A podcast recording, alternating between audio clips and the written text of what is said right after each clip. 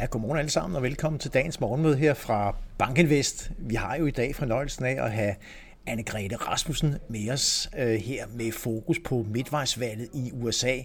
Anne-Grethe Rasmussen er USA's korrespondent. Hun er chefredaktør, medstifter af PAW International og er virkelig velbevandret inden for amerikansk politik, så vi glæder os rigtig meget til at få analysen fra Anne-Grethe. Lige om lidt, når jeg lige har gennemgået en kort markedsopdatering. Lad os se, hvad der sker på de finansielle markeder. I går, vel at mærke efter tre gode dage på de amerikanske aktier, så ser vi et klart fald på S&P 500, der dykker med 2,1 procent, og vi har også Nasdaq-indekset nede med 2,5 procent, så lidt mere pres på tech-aktier, og det betyder, at det amerikanske S&P 500-indeks er altså nede med omkring 21,4 procent i år. Der er jo sådan lidt forskellige temaer, der ser ud til at presse øh, aktiemarkedet i USA igen. Ikke mindst så har der nok været forventninger, i hvert fald håb om, at republikanerne ville få et, et godt øh, valg. Øh, det ser ikke ud til at være øh, helt tilfældet i det omfang, som man havde forventet det.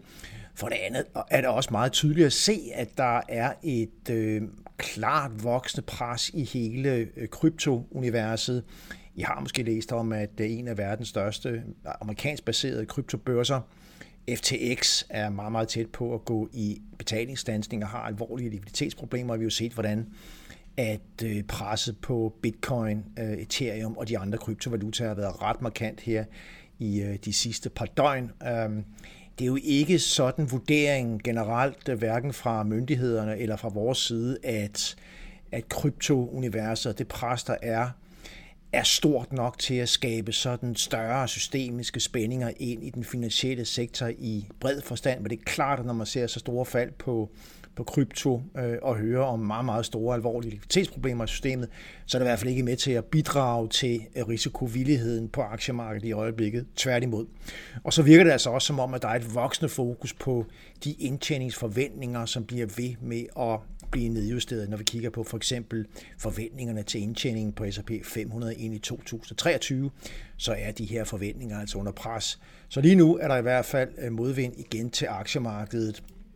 På rentesiden ikke de helt store bevægelser. I går faldt den 10-årige rente i USA med øh, tre basispunkter. I forgårs faldt den også, så vi har set et lille dyk. Vi ligger senest med sådan en 10-årig statsrente i USA, som jo er steget markant øh, gennem øh, 2022.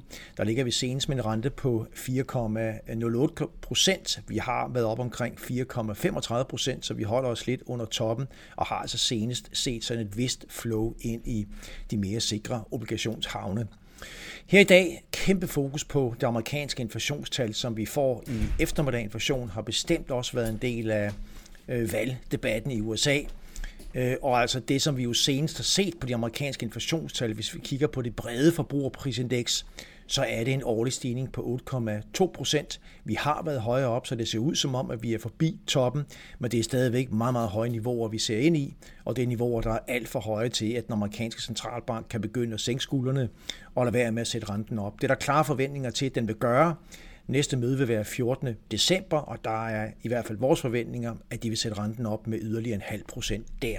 Og så får vi se, hvad der sker ind i 2023.